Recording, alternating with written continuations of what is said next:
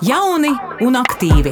Šis ir podkāsts par to, kā mainīt pasauli sev apkārt. Studijā Rīta Ruduša un Ilmāns Šlapins. Mēs runāsim par cilvēkiem, kas grib un prot panākt izmaiņas. Vēlies būt jauns un aktīvs? Klausies mūs tagad, vai jebkurā sev pieejamā laikā.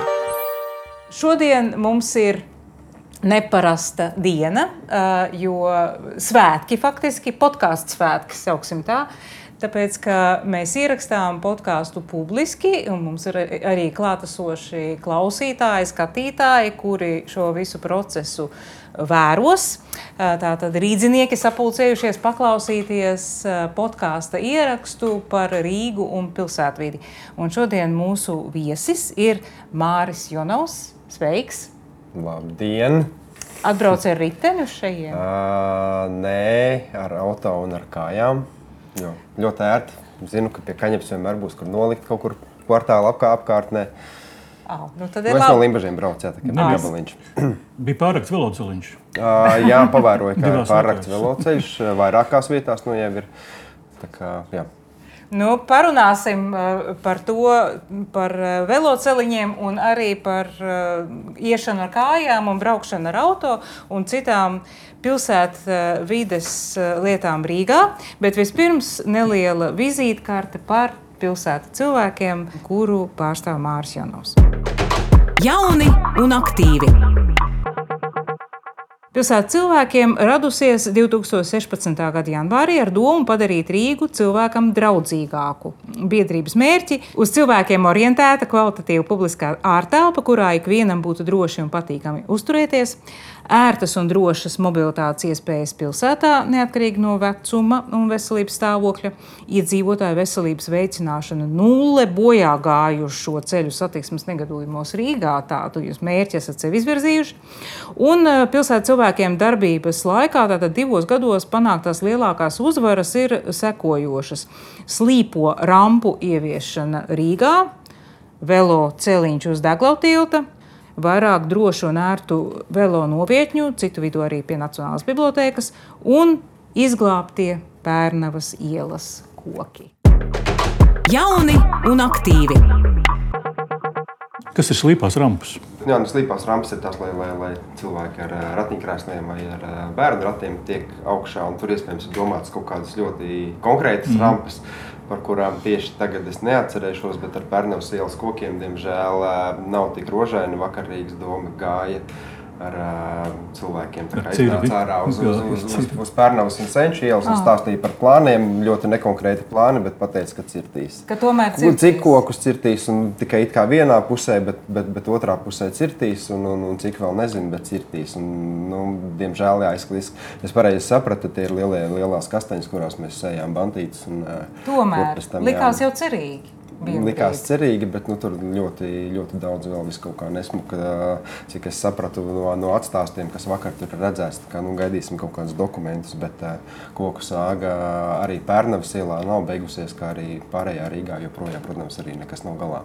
Es par slīpajām rampām Ilmāram varētu atbildēt, kā riteņbraucējs. Ļoti labi zinu, kas ir slīpās rampas. Tas ir eh, tās ļauj uzbraukt, tā kā mēs daudz, daudz viet braucam pa, pa ietviem, draud, draudzīgi, viegli un līgani Nu, uzbraukt. nolīdzināt tās jā. apmales, jā, nevis, vien, nevis arī. kratīties eh, pa tām uh, apaļajām, nu, padomu laika apmalēm, pa kurām faktiski ir, nav iespējams nevienam pārvietoties, kam ir riteņi, vai tie būtu Nu, bērnu arī ratiņi vai vai riteņi. 30% sabiedrības arī, arī bez riteņiem ir tādi, kuriem tā 15 vai 20 cm apmēra vai pakāpiens ir šķērslis.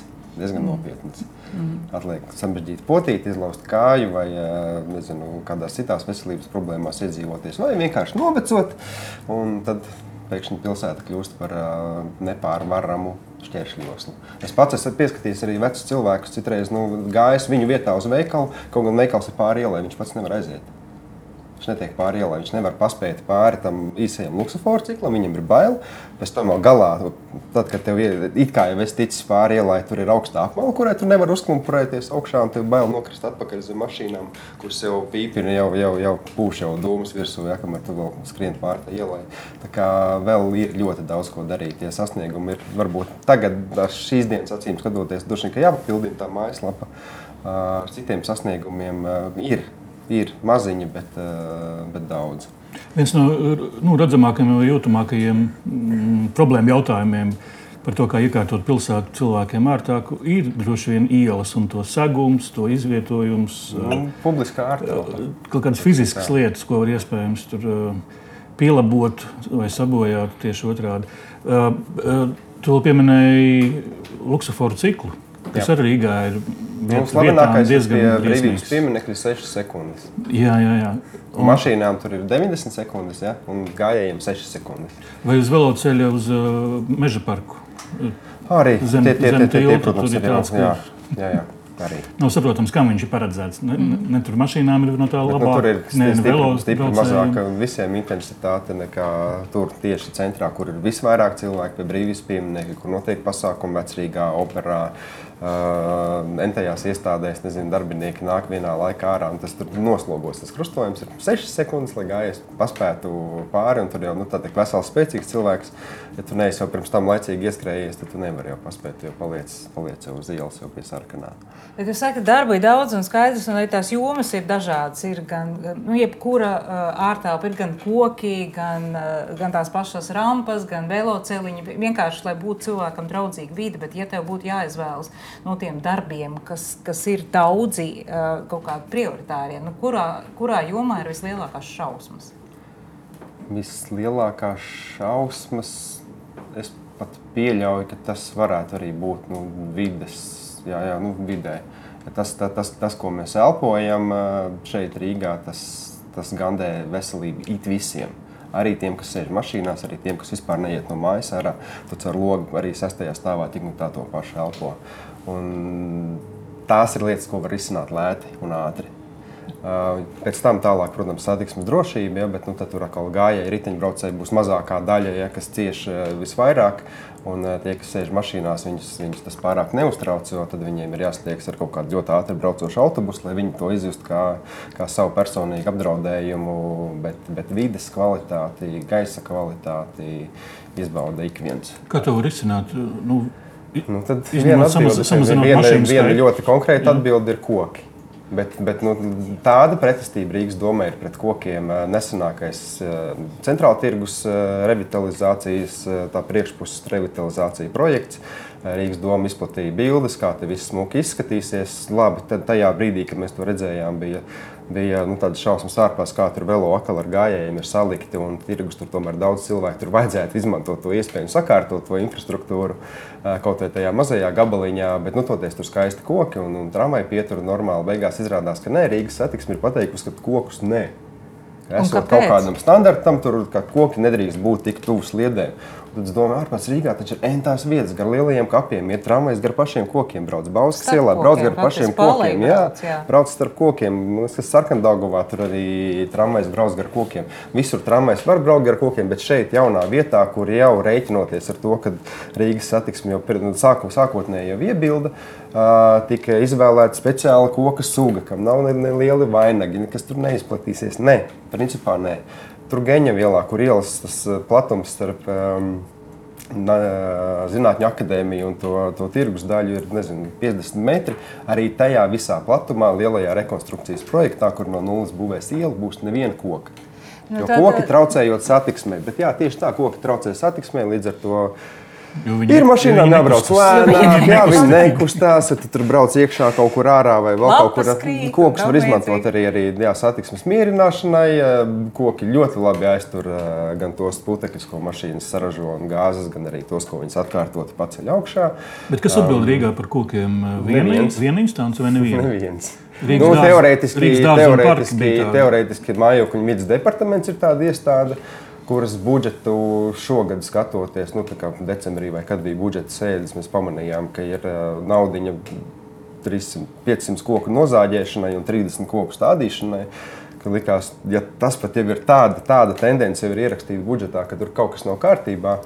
Nu, tāda viņa bija. un Tad tos 30 kokus viņi iestādīja pie um, kongresa nama. Tur jā, tie bija ieplānotie koki. Bet, nu, tad, nu, taisījām akcijas, jau ziemā tad uzreiz sākām tam pievērst uzmanību. Nu, tad rezultātā vēl pār simts kokiem tika iestādīti arī vietās, kā Varoniela, kur nedēļu pēc tam, kad koki jau bija iestādīti, man joprojām nāca vēstules no departamentiem par to, ka, diemžēl, šai vietā nekad nevarēs iestādīt kokus, jo tas nav iespējams. Bet tie koki jau faktiski bija iestādīti Baronielas visā garumā, gar, gar operu, gar Basteļu kalnu. Kā, nu, kaut kas ir iekustējies, bet tas, tas, tas, tas nav aizgājis. Bet, ja bet teikt, ka tā ir atvainojumā, bet teikt, ka tā ir tā domāšanas specifika, ka koki ir kaut kas traucējošs. Tagad, klausoties tevī, man, piemēram, liekas, acīm redzot, Rīgas domas pilsētu vidas ideāls ir spīķeru kvartāls, kur nav vispār turpat zālīte nevienā centimetrā neaug. Tur, tur tikai staigā vēji, viss ir tāds tīrs, muks, neviena kociņa, nevienas puķītes bet ir, ir daudz ķieģeļu un tādu pati nelaime kā bērni, ko arī Rīgas doma ļoti nemīl visādos veidos, jo viņi prasa nemitīgas rūpes, nemitīgi, nu, tiešām nemitīgu pieskatīšanu. Nevar vienkārši braukt ar lielu traktoru gāzt sāli, jo tad tie koki mirst nost. Uh, nomira pie, pie Stokmana pretī 2000. gada sākumā stādītie koki jau pirms nezinu cik gadiem, kādiem sešiem, septiņiem. Tā arī tās dobas stāvēja tukšas, aizasfaltēja ciet. Nu, tāpat arī bija bērnu um, nu, nu, nu, tā kā prasa, kad stādīsiet atpakaļ, jā. nestādīsiet šeit kaut kādu laikam nav laba vieta priekš kokiem, kaut kā viņi te neaug. Kaut kā skatās bildes atpakaļ 60. un 70. gados, viss, viss skaistais garums no Marijas ielas līdz pat upei ir bijis milzīgi skaista, skaista liela koku rinda. Uh, pēc tam tur būvējot visu kaut ko, tad tie koki pēc tam ir pārstādīti, bet, bet Tur agrāk ir bijusi skaista koku rinda, viņas laika ir auguši, bet tagad. Manā bērnībā iela, uz kuras mēs pat labi atrodamies, proti, skolas iela visā garumā bija koki. To nu, reti, mēs atceras. redzam, dažas neaiz... Daži ir palikuši. Bet, te var redzēt jā. dažas neaiztaisītās dobas. Pie vienas šodien gāja garām tieši redzēja arī uzrakstu. Ne, neredzēju uzrakstījumu, bet redzēju, ka cilvēki sastādījuši puķis, jo tad ir mazāk cerība, ka aizbetonēs. Bet, bet nu, jā, pie, pie daudzām dobēm ir Rīgā parādījuši uzrakstīņi, atdodiet kokus. Mēs vasarā, pavasarī sākām taisīt arī karti, mēģināt apzināt tās vietas, kur tie koki ir bijuši. Bieži vien vairs ne, nekas par to neliecina. Ja pie Baronas ielas vēl var redzēt, ka tur atšķirās bruģis vai, vai, vai tērbatas ielā, tad daudzās vietās vienkārši jau ir jau, jau cik jau asfalta kārtas. Bet kā var izskaidrot to, ka citu vietu, piemēram, ziedoņdārzs ir eh, iekopts. Nu, labi, tur nestāda jaunas kokus klāt, bet tos, kas ir kopji, aprūpē. Un... Lielākā bēda ir, jā, lielākā, ne, lielākā bēda ir ar uh, ielu apstādījumiem. Jo tur ir tā kā, nu, tā kā domas tā kā pārziņā, it kā pēc tam tur apvienojās kaut kādas iestādes. Jo tas, kas ir no ielas parki, to, to tiešām tagad kopa Rīgas meža laikam. Pirms tam bija Rīgas dārza un mm -hmm. parki. Un tur, nu, tur ir dārznieki, kas ar to nodarbojās, bet ar ielu kokiem īsti neviens nenodarbojas. Šogad uh, nedaudz naudas, man liekas, bija tikai kaut kādi 30 tūkstoši vai cik atvēlēja domē, piesaistīja labos kokus, kas ir sasprauduši pie dažiem. Jo, nu, principā, jau, tur skaidrs ir izlēmts liktenis tiem kokiem. Valdemāra ielā, Brīvības ielā tur karājās šiltītes. Uh, viņi mēģina skatīties, vai tie koki ir glābjami, bet visticamāk nebūs. Uh, brīvības gatavē, ko stādīja šogad kokus ielas rekonstrukcijas ietvaros, tad to arī darīja labie koki. Brauca katru dienu un laistīja to stādiņu. Ja to nedara, tad, diemžēl, tas stādiņš neieauksies. Un ļoti liela iespēja arī, ka nu, ziemā tie stādi tāpatās cik labi nepārzīmos, jo uz viņiem gāzīs nenormāli daudz sāls, gan veloceļu sālot, gan brauktuvu sālot. Vienkārši Bet, ja cilvēki Nosaules. redz to atšķirību, nu, es šovasar ļoti bieži gāju cauri ziedoņdārzam un redzēju, kā cilvēki izmanto ziedoņdārzu. Tur ir pilns nu, ir īpaši šajā karstajā, sausajā vasarā. Uh, viņi meklēja patvērumu no, no saules. Tur bija pilns ar cilvēkiem, kas spēlēja spēles. Tur nodarbojās ar jogu, cepa desiņas. Sēdēja zālītē, spēlēja zālītē. Sarunājās daudz bērnu, suņu. Un, un šie paši cilvēki redz tur pat blakus, teiksim, Barona iela vai, vai pat arī Čaka iela, jā, diezgan netīra putekļaina un tukša. Uh, Tā atšķirība ir redzama. Nu, vai, vai nemainās uh, kaut kāda domāšana, vajadzības vai standarti, ka cilvēks sāk pieprasīt beigu, beigu beigās? Daudz cilvēku ir noslēgušies. Nu, tā dzīve ir tāda nu, darbs, mašīna, mājas, un pa, pa, pa vidam tu īsti vairs nekur neesi. Cilvēkiem ir zudusi tā sajūta, ka tā ir viņu pilsēta, ka viņiem pieder kaut kas vairāk nekā tas mazais dzīvoklītis, eh, mašīna. Vis, visdārgākā vieta ir tā, tā vieta zem loga. Tā par dzīvokli tur kāds aplaupīts cilvēks nebūtu tik ļoti nepārdzīvot, kā tad, ja kāds paņems viņa to mašīnas stāvvietiņu, kas ir viņa, viņam pienākās, jo viņš tur vienmēr liek. Viņš to nav nopircis, viņš par to neko nemaksā, bet tā ir viņa vieta, viņš ir gatavs nogalināt par to. Uh, bet viņš vairs nejūt to pagalmu kā vietu, kur var izlaist bērnu, paspēlēties, ka var, nu, teikt, redzēt bērnu pa logu un zināt, ka viņi viss ir kārtībā. Nē, cilvēkam svarīgi redzēt to savu mašīnu pa logu. Bērns sēdēs pie datora, bērnu, ar bērnu ārā vairs, nu, reti kurais ies, un tie spēļu laukumi ir sataisīti, bet kaut kur ne tādās vietās, ka tu vari no mājas aiziet. Tur speciāli jābrauc, atkal kāp mašīnā, atkal brauc. Un um, staigāt vairs īsti nav kur, veikali ciet. Um, labi, kafejnīcās vasarā ir turisti, ziemā īsti neviena nav, jo uz, uz, uz vietas Rīgas centrā nedzīvo. Tad mikrorajonos atkal ir pilnīgi, pilnīgi cita dzīve. Tur arī, cik zinu, daudziem īpaši nepatīk vakarā iziet pastaigāties. Rīga pamazām kļūst par tādu Ventspilī sliktākā, sliktākajā šī vārda nozīmē, kad pūkstens sešos vairs neviena nav. Bet redz, mēs jau tā esam sapulcējušies, tāpēc, ka tomēr uh, nav gluži vienādi. Jā, tāpēc es saku, ka tā ir tikai daļa sabiedrības. Jā, tā ir tikai daļa sabiedrības, jo uh, šī ir zīmīga diena ne tikai tāpēc, ka mēs ierakstām publiski podkāstu, bet arī tāpēc, ka ieraksts notiek dienu pēc tam, kad pie Rīgas domas notika uh, protests, uh, velobraucēju protests. Un, teiksim, tādā pastāvot, uh, rodas iespējas, ka tomēr ir sakustēšanās un kāda domāšanas māja attiecībā un uz vidas ieraksts zīmīgi notiek pirmoreiz šajā mājā. Ja? Šajā mājā? Jā, Jā. Jā Kaņepes kultūras centrā, kur Kaņepes ir vārdiņš ir no, no Dāvi, kurš ir viens no tiem cilvēkiem, kur vēl tie bija laikam 10 vai 11 gadi atpakaļ, kad uh, kritiskās masas braucienu policija ar stekiem daudzīja, un, un Dāvis bija viens no tiem, kas nu, bildēs nu, atpazīstams. Ja, dēļ, dēļ tā, ka viņš izskatās tā, kā viņš izskatās, var, var pazīt bildēs, tad viņu arī var redzēt tajās bildēs, kā viņi tur stiepjas iekšā policijas busiņā. Tas arī ir bijis ļoti garš process. Tagad mēs bijām jau vakar pie Rīgas domas ar zvaniņiem un plakātiem, visnotaļ miermīlīgi. Varbūt tur kāds izsauciens skaļāks, bet, bet īpaši pieklājības robežas pat nepārkāpa. Kaut gan es zinu, ka daudzos cilvēkos ir vēlme nezinu, tiešām kaut kā savādāk izrādīt to savu neapmierinātību, jo cilvēki nu, arvien vairāk apzinās to, ka normāliem līdzekļiem neko nav iespējams panākt.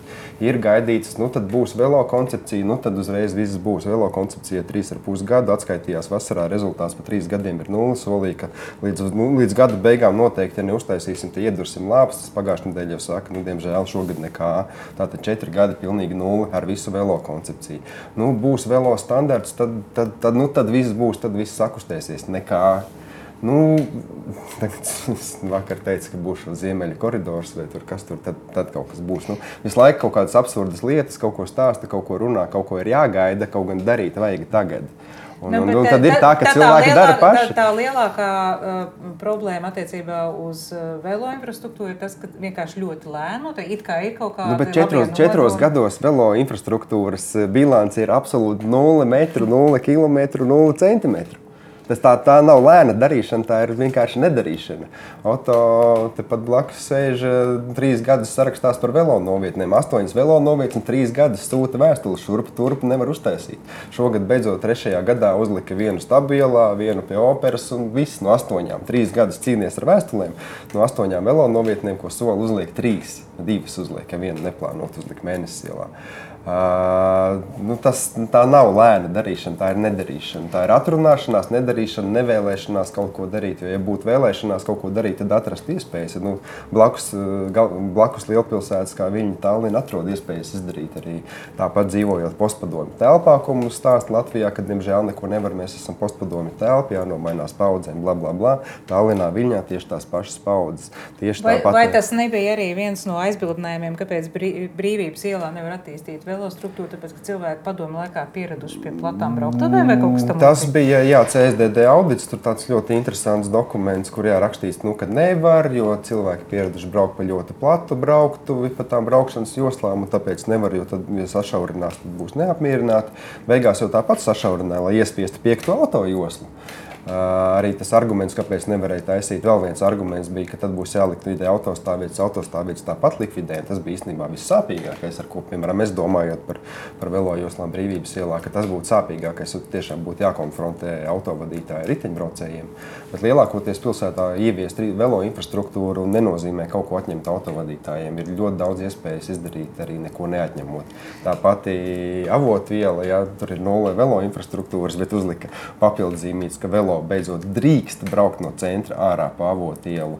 Un ir pēkšņi viena liela, skaista velo maģistrāla, kur var iet katru vakaru un skatīties un priecāties par to, cik daudz cilvēku tur brauc. Nav īpaši mazāk nekā avot tajā baronīlā.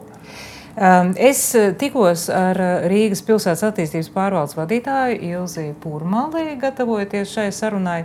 Mēģināšu atskaņot viņas citātiņu.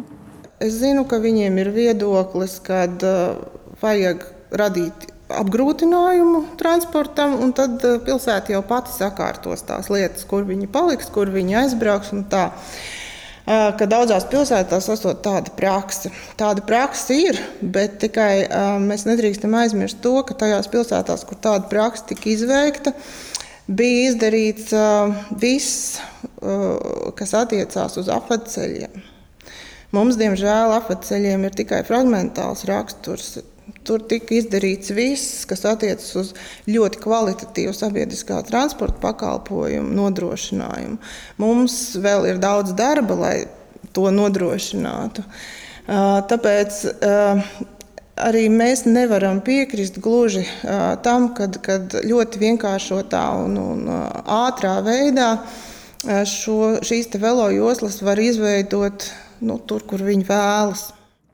Tā tad uh, nevar ātri, jo nav izdarīti mājas darbi. Kāds būtu tavs komentārs par to? Nu, Rīgā, diemžēl, tā pieredze ir pilnīgi citāda.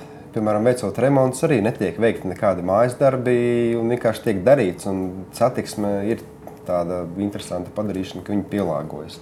Tāpat kā, diemžēl, riteņbraucēji ir spiesti pielāgoties, un tad nu, nest pat repēm augšā vai līst kaut kur cauri kaut kādai sētai, vai, vai gājēji ir spiesti pielāgoties. Tepat tagad um, skolas ielā cilvēki pielāgojas, tie paradumi mainās. Uh, to ir spilgti pierādījis tā pati brīvības iela, kur trīs gadu garumā, vasarā un arī laikā ārpus vasaras, arī, arī tajā ārpus tā maģiskā brīvlaiku laika, kad tā kā nav skolas un um, arī ārpus tā laika, arī pagājušā gada rudenī. De facto brīvības iela iztika ar vienu braukšanas joslu katrā virzienā. Mierīgi iztika. Vienkārši mazāk cilvēku brauc, es zināju, ka ai, tur vajag maz vietas, un vienkārši izvēlēties citu maršrutu. No, man reizē nedēļā vismaz sanāk braukt no Mešciem uz uh, Kalnciem tiltu. Un normālā dienā, normālā laikā, atverot uh, navigāciju, ir pilnīgi vienāds braukšanas laiks. Vai nu pat taisno kulties caur centru, vai apbraukt riņķī pa neizbūvētajām maģistrālēm, bet tāpat var apbraukt riņķī, nobraukt ar krastmalu un aizbraukt uz turieni. Ar jā, 3 km vairāk es nobraucu, bet braukšanas laiks ir tas pats, vai bieži vien pat ātrāks, jo tā navigācija tur pārāk optimistiska par Rīgas centru. Un ar to pārāk optimistisko navigāciju, piemēram, mēs sadzinām mašīnas centrā cilvēkus, kur pat varbūt nebrauktu, bet viņiem navigācija tā saka. Tas ir arī tas, ko es ar satiksmes departamentu daudz runāju, ka centrā vajag samazināt atļautu braukšanas ātrumu. Un tad pretī sēž policija, kas saka, nu, kāda jēga, neviens taču neievēro braukšanas ātrumu. Saka, lai viņi neievēro, bet viņas navigācija nemaz neievedīs tajā Rīgas centrā. Daudz cilvēks no laukiem ir ieslēdzis to telefonu, viņš brauc tur, kur viņam rāda. Viņu, viņu dzēna centrā ar visiem remontiem. Es slēdzu iekšā veizi, man ved pa brīvības ielu. Man nu, taču pilnīgs stulbums. Man tur saka, tu tur tik un tik ātri tiks, un tās reizes, kad tiešām man vajadzēja braukt tajā brīvības ielā, tad es varēju pārliecināties, kā tu sāc braukt, un tas laiks tikai pieaug, pieaug, pieaug. pieaug. Ja tu brauc riņķī, tad izrādās, ka tu vari izbraukt pa normālu laiku. Respektīvi, kā, saka, ka tas varētu būt tāds paškoriģējums. Tas, protams, ir, nu, tas, protams, tas, tas, ir, tā, tas ir atrunas. Tas, jā. tas ir atrunas, jo ne Londonā ir izbūvēts perfekts apceļš, ne Parīzē, ne, ne, ne Helsinkos, nekur. Nu, nav. Tās perfektās pilsētas nav, bet ir pilsētas, kas saprot, ka ir ka ir ziepes, ka ir kaut kas jādara, un viņas, viņas dara. Parīze to dara super drosmīgi un milzīgiem soļiem. Ņujorka to dara ar netik drosmīgiem, bet lieliem soļiem, jo Ņujorkā tur tā pārvaldības sistēma ir nu, sarežģīta. Tā pilsēta ir milzīga, viņa saskaldīta daudz, daudzās mazās pilsētiņās, kur, kur katra pa sevi funkcionē. Viņiem tur bija sarežģītāk. Ir bet arī iet ar milzīgiem lieliem soļiem, ar vērienīgiem projektiem. Tiešām, tur tiešām ņem nost mašīnām. Tā ka nevis tikai tur knapi josliņi, bet tā kā atņem joslu un vēl parkingu. Parkings Ņujorkā esmu... tas ir vēl trakāk nekā Rīgā. Jā, es esmu Ņujorkā arī braukusi ar riteni, un uh, Londonā esmu braukusi ar riteni piecu gadu garumā. Londona nav sevišķi draudzīga pilsēta uh, riteņbraucējiem galvenokārt, tāpēc, ka uh, vienkārši šausmīgi liela tā satiksme, un tur ir arī daži ārkārtīgi brīvprātīgi riteņbraucēji, nu, kuri protams. ļoti ātri brauc. Bet eh, man jāsaka, ka tur ir arī velo maģistrāls, kas ļauj jā, jā. lielus gabalus nobraukt eh, paveicamā Tas laikā. Pats, kas Stokholmā un, un var braukt teiksim, stundu pa milzīgu, platu, zilo uh, trīs joslu velo maģistrāli un, un pilnīgi mierīgi tikt no Dienvidu Londonas uz, uz ziemeļiem pievaramā laikā. Nu, tāpēc, ka par to ir domāts, bet Rīgā, nu, tāpēc, piemēram, ir kurš par to domā. Rīgā, jā. piemēram, Emīls Jakrins saka, ka viņš intensīvi par to domā. Bet viņš brauc pats. Bet vasarā viņš teica, ka, ne, ka ne viņš pats brauks, un savu bērnu bērnu krēslā viņš nevedīs. Tā, viņam ierosināja deputātu Andersonu pamēģināt izbaudīt Rīgas velo infrastruktūru. Jo, esot ārkārtīgi bīstami, viņš nevēloties ne sevi, ne savus bērnus nogalināt. Tad cilvēks, kurš atbild par to, lai visiem būtu ērti un droši, vienkārši pasakā, ka nav droši. Tā kā Rīgā nav itri neviena cilvēka, kaut gan velo koncepcijā ir ierakstīts, ka jābūt vismaz vienam, vismaz vienam, bet nav neviena. Trīs ar pus gadus joprojām nav neviena cilvēka. Londona saprata, ka ir jādara Ja dara, tad dara par itīgam, ja nedara, tad nedara nemaz. Iedeva 250 miljonus mārciņu, no, noalgoja Nike direktoru bijušo, pateica, rekrutē naudu uz pieciem gadiem, dari visu, ko tu vari, lai cilvēki vairāk brauktu ar velo, lai vairāk iet ar kājām, lai brauktu ar sabiedrisko transportu, jo tik daudz mašīnu pilsētas centrā pilsēta vairs nevar pavilkt. Nu, nevar. Ir mašīnu skaits, ir, ja ļauj braukt, tā tendence ir pieaugt, pieaugt, pieaugt automašīnu skaitam. Rīga jau atkal, jā, protams, automašīnu skaits pieauga ne, ne tikai Rīgā, bet arī Latvijā. Bija viens brīdis, kad bija krīze, kad nu, nāc, nācās atdot, atdot bankām kredītos, paņemt tās mašīnas, un cilvēkiem bija mazāk mašīnu, bija iespēja kaut ko darīt. Tagad ar katru gadu, ar katru mēnesi kaut ko darīt būs grūtāk, jo būs vairāk mašīnu. Un Rīga ir darījusi visu, lai arī Rīgā būtu mašīnu vairāk, būvē bezmaksas izmaksas autostāvvietas mikrorajonos. Vai pie cilvēka? Man, man, nu, pie, pie, tā, pie tā cilvēka. Jo pilsētā ir nu, redzams, ir objektīvi sevišķi tiem, kas paši brauc ar riteņiem, ka ir ļoti pieaudzis ne tikai riteņbraucēji, bet dažādu uh, braucamu rīku, gan elektroskūteru, gan arī. Četrkāršojies bija kaut kādā periodā. Riteņbraucēju skaits jā, bija četrkāršojies četrkāršojies ar kaut kādiem senākiem datiem, un, un, un pēdējos kaut kādos dažos gados jau tas lēciens jau bija uzreiz 40% klāt. Bet tad jo pirmais... riteņos ir spēks, kā tad uh, mobilizēt mūsos riteņbraucējus, lai pacīnās uh, intensīvāk par sevi? Riteņbraucēji cīnās, man liekas, diezgan intensīvi. Ja divas reizes jau brīvības ielā bija uzkrāsotas velo joslas, jau vienreiz tur tā, ka pat, pat, pat uh, nu, liela daļa joprojām netic, ka tas, ka tas nebija Rīgas domas darbs, un tur, tur joprojām visādas konspirācijas teorijas, ka varbūt paši netīšām uzkrāsoja, kaut ko tur sajauc no, no citiem rasējumiem. Otrais bija prastāk, cilvēki arī krāso tur, nezinu, rotācijas apjus, gājēji pārējais un, un, un visu kaut ko citu dara. Tā kā riteņbraucēji cīnās, arī parastie cilvēki cīnās, gājēji cīnās, betonē apmalītes klāt un, un, un, un kaut ko dara, jo saprot, ka Rīgas doma to nedarīs. Nu, Bet nu, kā... Rādot piemēru, varbūt arī kaut, kaut kas notiks. Nu, stādījām koks, Rīgas doma arī sāks stādīt. Nu, es nezinu, varbūt, ka vēl jākrāso tās velojostas, tad Rīgas doma arī sāks krāsot. Uh, bet vakardienas jā, pikets pie domas bija, nu, varēja redzēt, ka domai nepatīk. Um, ļoti nepatīk, nu, tad, ja nepatīk, tad varbūt jāturpina. Bet ko tu gribētu pateikt jaunam un aktīvam rīzniekam? jebkuram Latvijas iedzīvotājam es gribētu pateikt, ka Rīga ir galvaspilsēta un tā ir ikviena no ikviena jūsu pilsētas, izkāpjot autoostā. Jums ir tiesības normāli tikt līdz vecrīgai, nevis līdz divos tuneļos, klumpurēt pa trepēm un tā tālāk, bet pāriet tos 30 metrus normāli ielai pāri, kā tas bija pirms dažiem desmitiem gadu iespējams, ka tur bija skaisti gājēji pārēji. Un arī visiem Eiropas iedzīvotājiem, arī tā skaitā, jo arī viņi iegulda naudu Rīgā caur dažādiem fondiem, uz dzelzceļu Viņiem arī būtu tiesības izkāpt ārā skaistā stācijā, pāriet normālai, normāli ielai pāri un nepārlaust kājas jau tuvākajā kaut kādā šķērsielā, kur nav uztaisīts nekas, tāpēc ka to neviens neredz un Instagramā nav bijis svarīgi ielikt.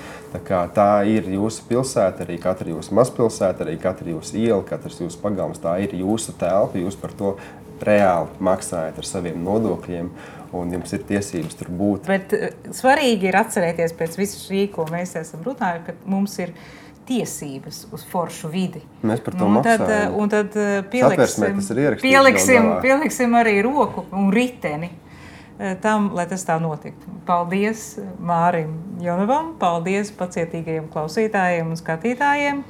Šis bija jauni un aktīvi publiskais ieraksts, un tiekamies atkal nākamajā. Piketā. Piketā, Piketā arī. Jā. Podkāsts Jauni un aktīvi tapis ar Sabiedrības integrācijas fonda atbalstu.